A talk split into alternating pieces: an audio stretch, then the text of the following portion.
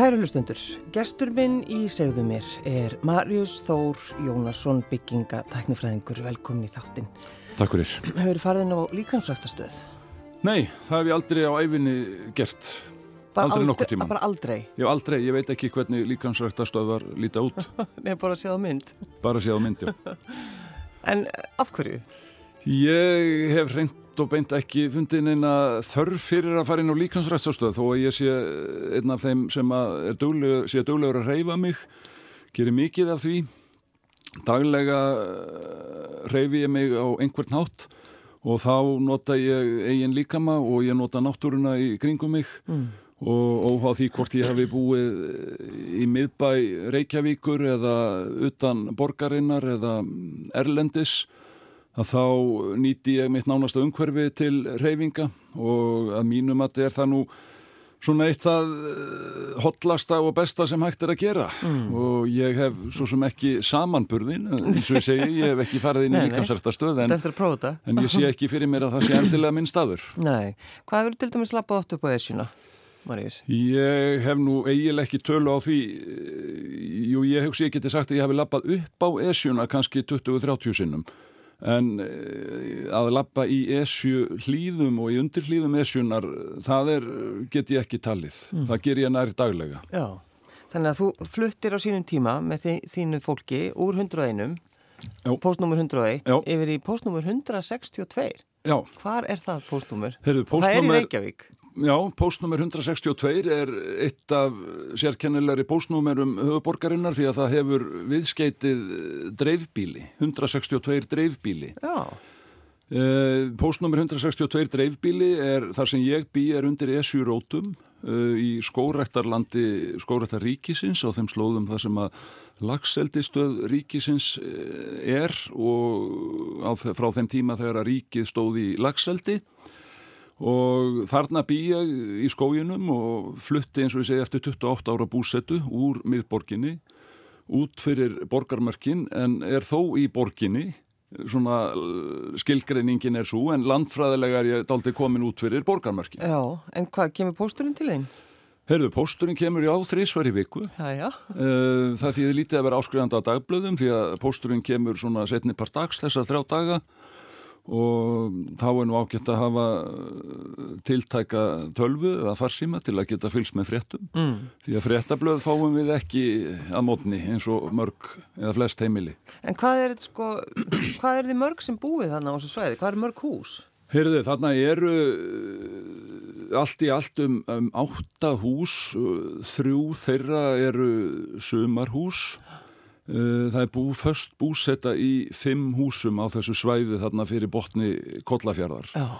og uh, það er nú ekki bara margt, uh, flest erum við svona fólk með uppkomin börn og börnin fluttað heimann en þó var það nú þannig að nágrannar mínir þarna í Kollafjörðinum yknuðu spart núna í mæmánuði og þá höfðu við nú að gamni að það þurfti kannski að fara að opna skóla í Kollafjörðinum það er bara það er allt að gerast á það Já, já, alveg byllandi líf og, og sjálfur á ég vona á afabörnum í haust og þannig að ég vonast til að þau verði mikið hjá mér og, og þannig að það, að, það er að lifna mikið við eh, kollafjörðurinn En þarf ekki, sko, það þarf að vera gott, gott samkúmulag í, á, á svona litlu sveiði eða hvað, Marius? Já, við erum nú samt þannig að við getum verið eh, fúll á móti og búið í okkar húsum án þess að hafa samskipti við nágrannana en sem æ, betur fer... Æ, hvað það er gott samt, það geta það, maður verður að geta valið. En, en sem betur fer að þá eigum við frábæra nágranna þarna á þessu litla sveiði og það verður nú að segjast að ég bjóði 28 ári miðbænum bæði á Baldurskuttu og Bergstaðastræti mm. Eh, þar hafi ég lítil afskipti af nágrunum mínum mm. þó að þeir væru margfalt fleiri heldur en eru nú.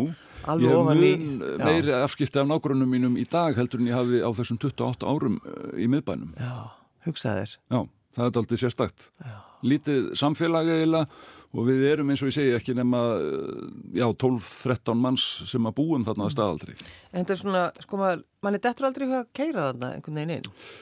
Nei, þetta er auðvitað uh, utan alfara leiðar sannarlega en þarna við Vesturlandsvegin í botni Kollafjörðar er bílastæði sem að fólk uh, leggur bílum sínum mjög þjætt og á góðviðris dögum og á því hvort sé laugardagur, sunnudagur eða aðrir virkir dagar vikunar að þá er þarna urmulla fólki og ég hef nú ekki tölu á því en, en það er á hreinu held ég að þarna eru hundruðir manna, mm. reykvikinga og úr nærsveitum uh, höfuborgarinnar já, já. sem koma til að nýta sér esjuna, þetta bæjar fjall okkar reykvikinga já.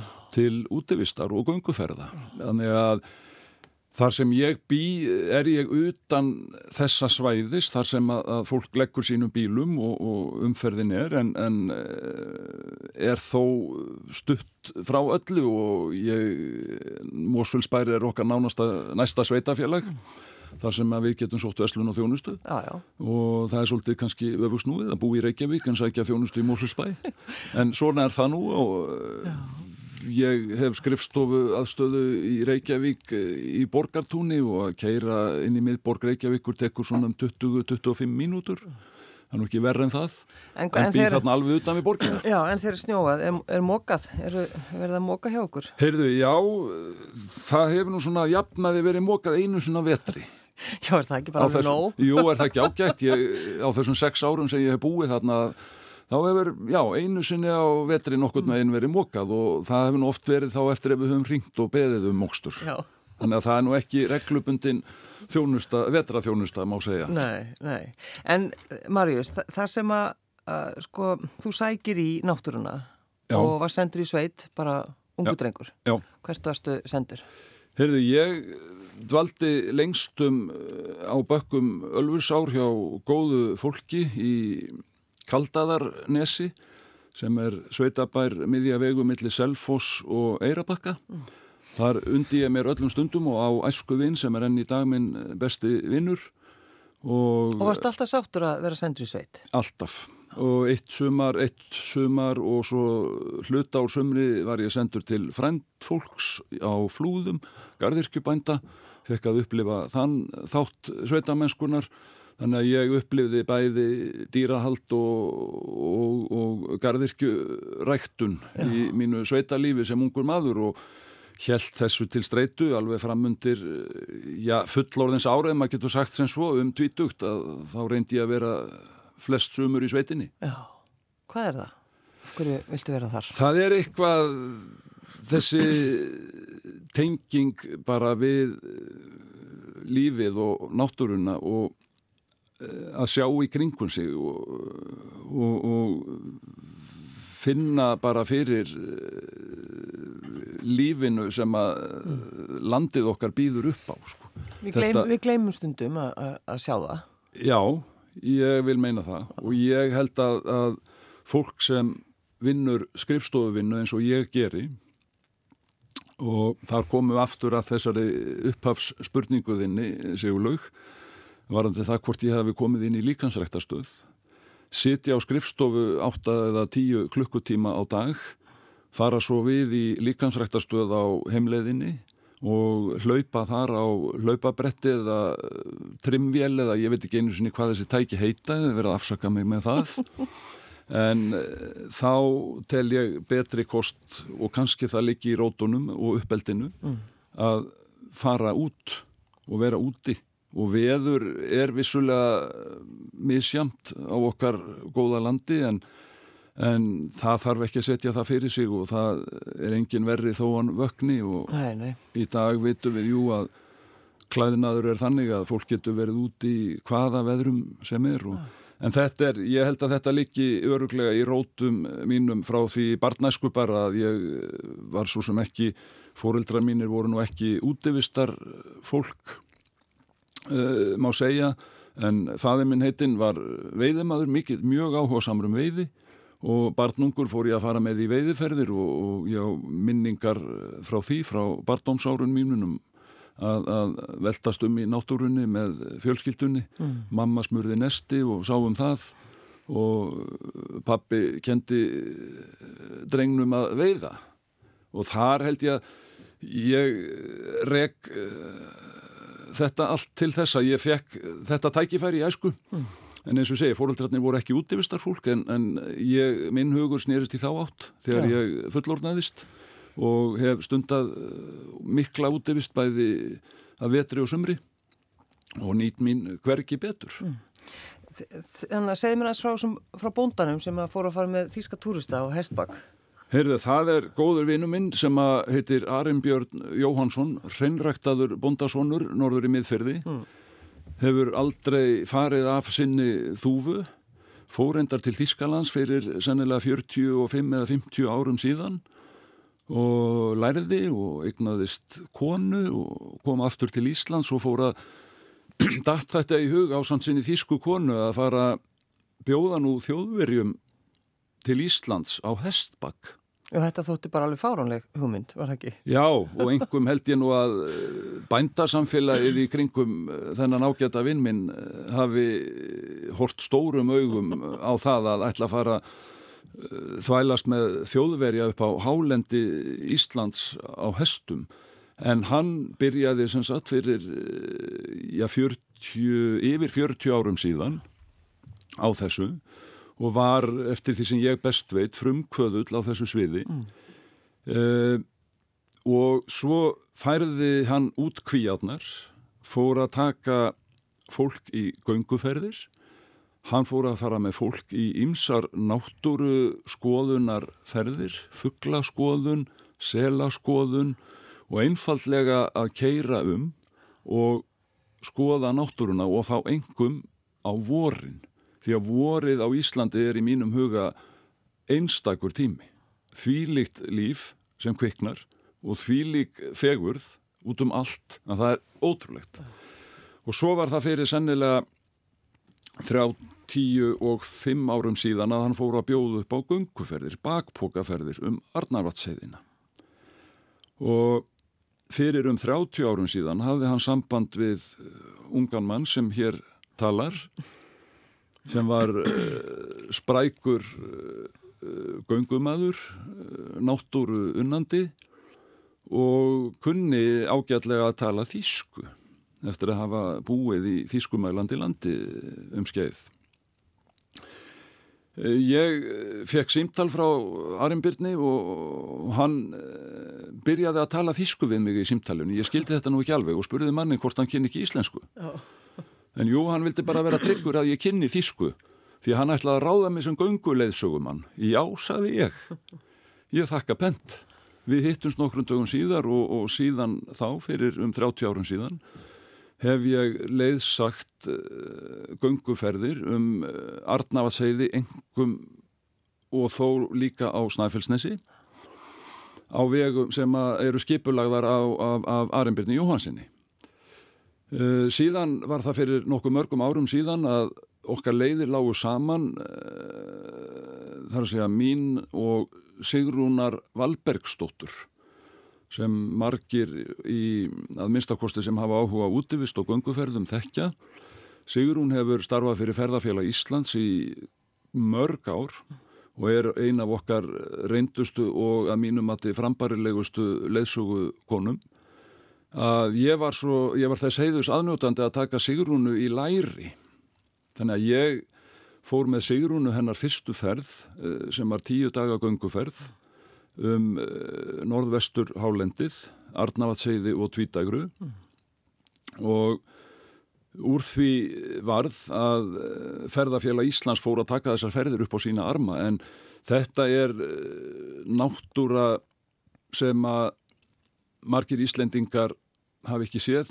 Á Arnavatseiðinni er náttúrufar sem að ég segi stundum að sé hreinrægt að Íslenskt náttúrufar. Mm. Það er ekki endilega þannig að þarna séu hápuntar e, íslenskrar náttúru, hvað varðar sjónarspil og, og, og stærðir eða, eða slíkt.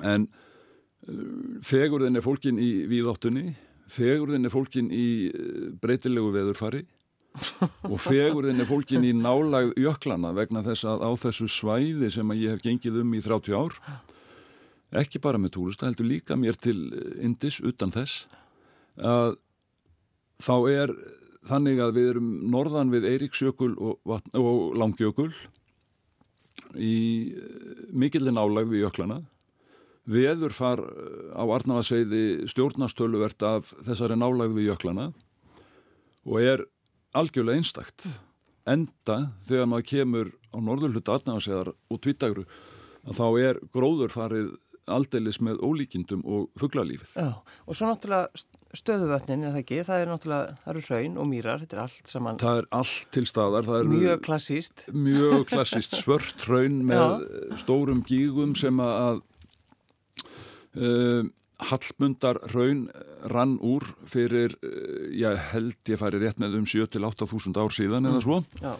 Og Hallmundar hraun uh, þekkja nú margir, það er að segja Eh, neðri endan á Hallmundarhaunni því að þar renna henni svokalluðu barnafoss, eh, barnafoss og raunfossar mm, sem eru mikið sjónaspill og náttúru undur raunfossarnir að þeir renna undan Hallmundarhauninu þar sem að kemur kristaltært vatn undan rauninu en Hallmundarhaun á upptöksinn í gígum sem eru í kreikanum milli Eiríksjökuls og Langjökuls.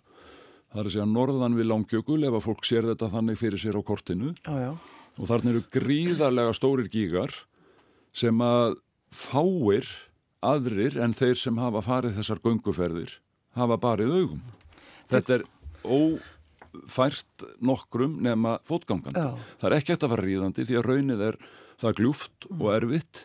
Það eina leiðin að komast þetta er jú, það er hægt að farað vetri með einhverjum faratækjum en uh, illfært oft því að raunið er svo úvið en uh, fótgangandi er eiginlega eina leiðin og ég uh, held ég geti sagt það með góður saman sko að fáir aðrir en þeir sem hafa tekið þátt í þessum gunguferðum hafa barið augum þessa gíga og þessa jökulstalla í norðanverðum langjökli. Já, þú pakkar, Marius Þór, þú pakkar niður í þessar ferðir net. Þú verður að gefa fólki að borða. Já, ég vísu pakkaði ekki niður, heldur geim ég það á góðum stað. stað. Já, já. Á góðum stað, við höldum til í þessum ferðum mínum, þá höldum við til í gágnamannahúsum mm. á Hálendinu sem Arimbjörn hefur ímist uh, uh, já, afnót af eða, eða egnarhald á að hluta til og, og hefur haft í sinni þjónustu í þessi 35 ár rúm sem hann hefur verið með þessar ganguferðir. Fiskur er í öllum vötnum og fiskin veiðum við okkur til matar og á þessum 30 árum sem ég hef farið með fólk og þetta er að jafnaði hópar eh, svona á bilinu 8 til 16 manns. 6, eða svona 15 manna hópar er eiginlega hámark út af aðstöðu í húsum. Eh, þá hefur það nú alltaf lukkast hjá mér en eh, eins og þú sagði réttilega þá legg ég kannski neitt stup til að vera tryggur með það að, að fólk þurfi nú ekki bara að borða fjallagrös og, og arfa sko.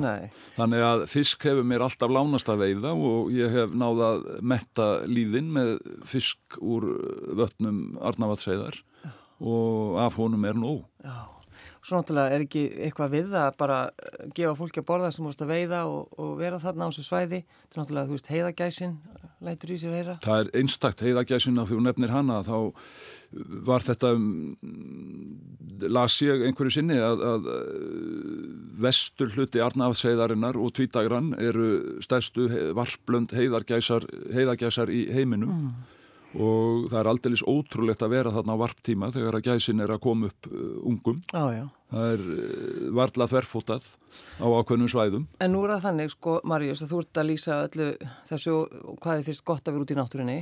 Eh, Sistín segir að, að þú farir alltaf í flugvel í vinnuna. Já, það er, það er svolítið skrítið. kemur nú kannski þarna, þarna heggur þú nút aldrei næri mér sko því að ég er talsmaður þess að fólk nýti náttúruna og og njóti náttúrunar og verndi náttúruna auðvitað. Mm. en ég vil líka nýta hana. Og það hef ég aldrei farið í gravkuttur með. Á réttan og, og frambærilegan máta. E, það er nú hins vegar, jú, jú, það er rétt eh, sem þú segir að ég eh, vinn, sko ég starfa sem byggingatæknumfræðingur, er húsasmiður að upplægi. Já, þannig að það er, er handveismæðurinn. Já, Já, og ég stýri litlu verkfræði fyrirtæki í Noregi, þar sem ég er með nokkra menni vinnu. En er þetta íslenskt Já, fyrirtæki? þetta er fyrirtæki, eigu íslensks fyrirtækis, Vafes og Ráðgjafar sem að ég hef Já. unnið hjá í 23 ár og við opnuðum sagt, skrifstofu í Noregi í kjölfar bankarhunsins 2008 mm.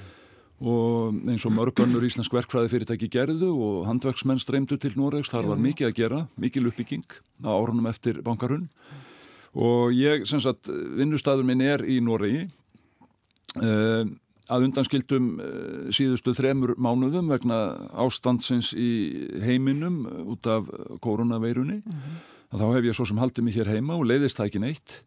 En uh, síðustu tíu árin hef ég ferðast á, milli Noregs og Íslands nokkur neginn svona jafn oft og, og sá sem hefur atvinna því að fljúa gerir. Þannig að ég tek gætnan flugvelina á mánudagsmotni til Noregs, til Osloar mm og uh, skila mér heim kannski á fymtudagskvöldi bara ég þarf að skræpa í vinnuna. Já, já, og oft eru það nú enn stittri ferðir og, og ekki, það, ekki nóg með það heldur er hann og þannig að Nóriður er stórt land og verkefnin eru víða um land þar mm. þannig að eh, ef ég skreppi fjóra daga til Noregs eh, frá Íslandi þá er ég kannski búin að fljúa tvísvar eh, innan Noregs á þeim tíma áður en ég kemur heim aftur já. þannig að þetta er, þetta er kannski alltaf öfugmæli við náttúru unnandan Marius Þór já, að fljúa í vinnuna en ég segi líka fólk eru upptekið af, af þessu með kólefnisborið og við sjöum að sóða út heiminn okkar sem að vissulega við þurfum öll að huga að og, og er þörf umræða að taka mm -hmm. en uh, ég segi líka að ég uh, nýtt tilverunar á þeim stað sem ég bý og við rættum á þann undir esjurótum eh, það er sennilega já ég get fullirt að það eru fáar enga lóðir í Reykjavík sem að hafa jafn mikinn trjágróður og lóðin mín, hún er á starfið ágættis sumarbústaðalóð og það er varlega þverfótað fyrir trjám mm. þannig að ég segi fólki bara horfi kringu sig heima hjá mér, ég hafi alveg efna á því að ferðast með flugvel nokkru sinnum eh, á ári sko. Já, Já. Eh, sko að því að þú ferði í uh, handverki, þú ferði uh, lærir að vera húsasmiður, Já. er það Er það ekki góðu grunnur fyrir að vera byggingateknifræðingur? Jú, það er... Eða verkfræðingur bara jú, jú, jú, jú, það er... Það var eitthvað sem ég langaði alla tíð sem ungur maður að læra að smíða. Já. Bróðir minn er húsasmíðamestari. Pappi heitinn var uh, skrifstofumadur og kunni ekkert, nákvæmlega ekki neitt í handverki. Mm. En við bræðurnir uh, báðir fórum í smíðina og uh, annar bróðir minn, eldri bróðir minn er pípulagningamestari þannig að allir bræðurnir fór í handverkið já, já, já. ég eh, var síðan ákveðin þegar ég kláraði stúdensbróð þessum að uh, frá MH að þá var ég ákveðin í því að uh, nema eitthvað frekar í, uh, á byggingasviðinu mm. og veldi þá fyrir mér á þeim aldri mentarskólaaldrinum eh, arkitektúr, tæknifræði, verkfræði, eitthvað í þjáttina. Úr var það ég lærði tæknifræði og fór síðan í framhalsnám í verkfræði í háskólanum í Reykjavík og eh, tækniháskólanum í Þrántheimi. Mm. Og dvaldi þar í Nóri í, í eh, rúmt ár, tók hlut af námin, framhalsnámi þar. En handverkið er eitthvað sem að ég mæli mjög með að ungt fólk temji sér og læri það hefur verið sem betur fyrr í ákvað bylgja í garð þess að læra handverk já, já. og það er öllum holdt mm. Eh, stelpum og strákum og mentorskóla aldrei að hugsa um það að, að læra eitthvað handverk. Já, allt í fínu eins og ég gerði sjálfur. Ég mæli líka með því að taka stúdinspróf það er eitt bestamál hvort sem fólk allar er í framhalsnám bóklegt eða ekki. Þá... að því hún nefndir uh, Marius pappaðinn, hann var skustofamæður já. Um, sko, þú ert ekki nema tíu ára þegar hann deyr. Ég er tíu ára gammal þegar pappi deyr og það var auðvitað aldrei högg fyrir lítinn strák ég á fullta sískinum þau eru öll miklu eldri en ég. Já, þannig að þú varst Ég er uh, litli bróðir. Já. og uh, hef notið þess og naut þess þegar við missum föður okkar. Hann var bara 65 ára gammal og mamma satt eftir með eh, lítinn strák. Og mamma mín sem að lifir enn góðu lífi eh, 94 ára gömul í dag er, eh, já, held ég verði að segja svo sem að kom mér á legg og gerði mann úr mér mm. og sískinn mín eru frábært fólk þau hjálpuðu mömmu við að gera mann úr mér oh. Og ég naut þess og nýtt þess enn að vera litli bróðir og ég vonaði hlusti á mig og, og, og heyri það Já, ha. þetta er mjög gott að vera lilli Já, já, já en, en hvernig var það svona, hvernig þurftur að vinna úr því, Marius, á kannski þessum tíma? Sko á þessum tíma 1975 þegar að pappi deyr já. þá voru kannski viðhorfin önnur og þetta var ég held að það með segja sko núna þegar maður er orðin gammal og vittur orðin þá, þá horf ég tilbaka og, og ég er sammála því sem að vinir mínir, ég átt alltaf vinum sem að koma út af landi eh, af landsbyðinni og ég hef hort stundum til þeirra og hugsað þetta er svo eðlilegu hluti af lífinu að deyja.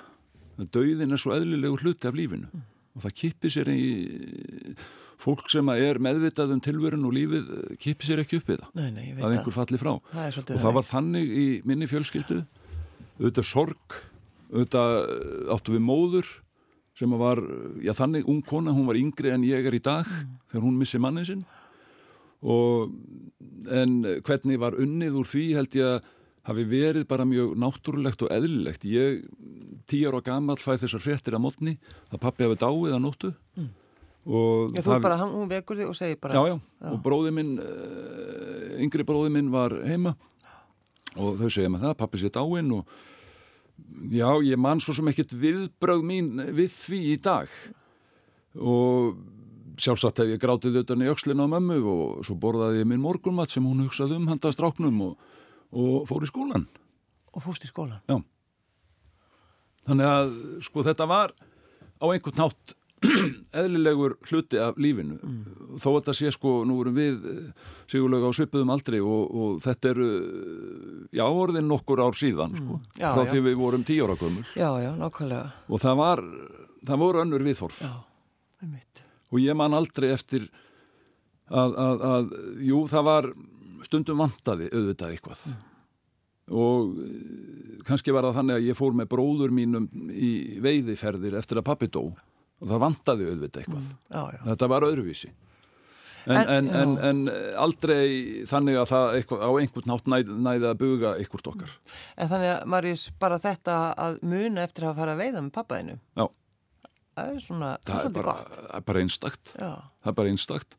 Og mun eftir að hafa fengið að koma á skrifstónu til pappa og mun eftir að hafa farið með pappa sko í kaffi með listaspýrónum á Hotel Borg á lögadagsmótnum þetta voru ótrúlega tímar. Já, fór hann, fór, fór hann alltaf í kaffi þá? Já, hann var einn af þessum eh, Reykjavíkur mönnum, var postmestari um tíma í Reykjavík Já.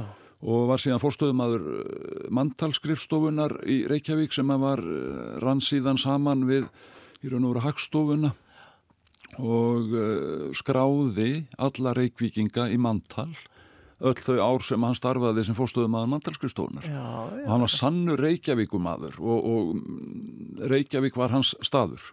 Þó að hann ætti, ættir að reykja út á land og allt það og ætti bróður uh, á Norðurlandi og ættingja í Skagafyrði að þá var hann Reykjavíkumadur já, já, já. og ég ólst upp í því líka en, en, en þessum andstæðum og, og það er nú kannski þessar andstæður sem eru í mér í dag sem að mm. voru í pappaheitnum að, að hann, hann leitaði mikið í það öll sumur að fara að veiða. Það var svona hans eleksýr hann var engin íþróttamadur, ekki á nokkur nátt bara eh, átt og drakk og, og var glaðu með lífið. Já, og fór svo að veiða. Og fór að veiða. Já, það er nú margt verið en það. Ójá mikið rétt. Það er einstakt að, að börn fái á einhvert nátt að njóta þess að vera með fóreldrun símnu eða upp að lendum hverju sem þeir eru uh, úti í náttúrunni. Ég er svo mikill talsmaður þess. En þú ert svolítið heppin, þú ert ennþá mömmu, 94 ára. 94 ára og mamma gamla var líka heppin vegna þess að hún eignaði sambilismann uh, um það byrj 10 árum eftir að pabbi dó og þau búa enn saman 94 og 93 ára gömul Já. í sinni íbúð og það er ótrúlegt og þau eru heppin því að þau eiga mörg börn sem hugsa vel um þau. Við förum daglega til eh, þeirra. Hann átti börn úr sínu hjónabandi. Mamma átti sín börn og saman fluttu þau. Um það leiti sem ég fluttað heimann og byrjaði að búa sjálfur. Og þetta var frábær tími og því lík ánægja og gleði að mamma skildi hafa eignast sko förunaut að vera ekki sko 50 konan, rúmlega 50 einn, búin að missa manni sinn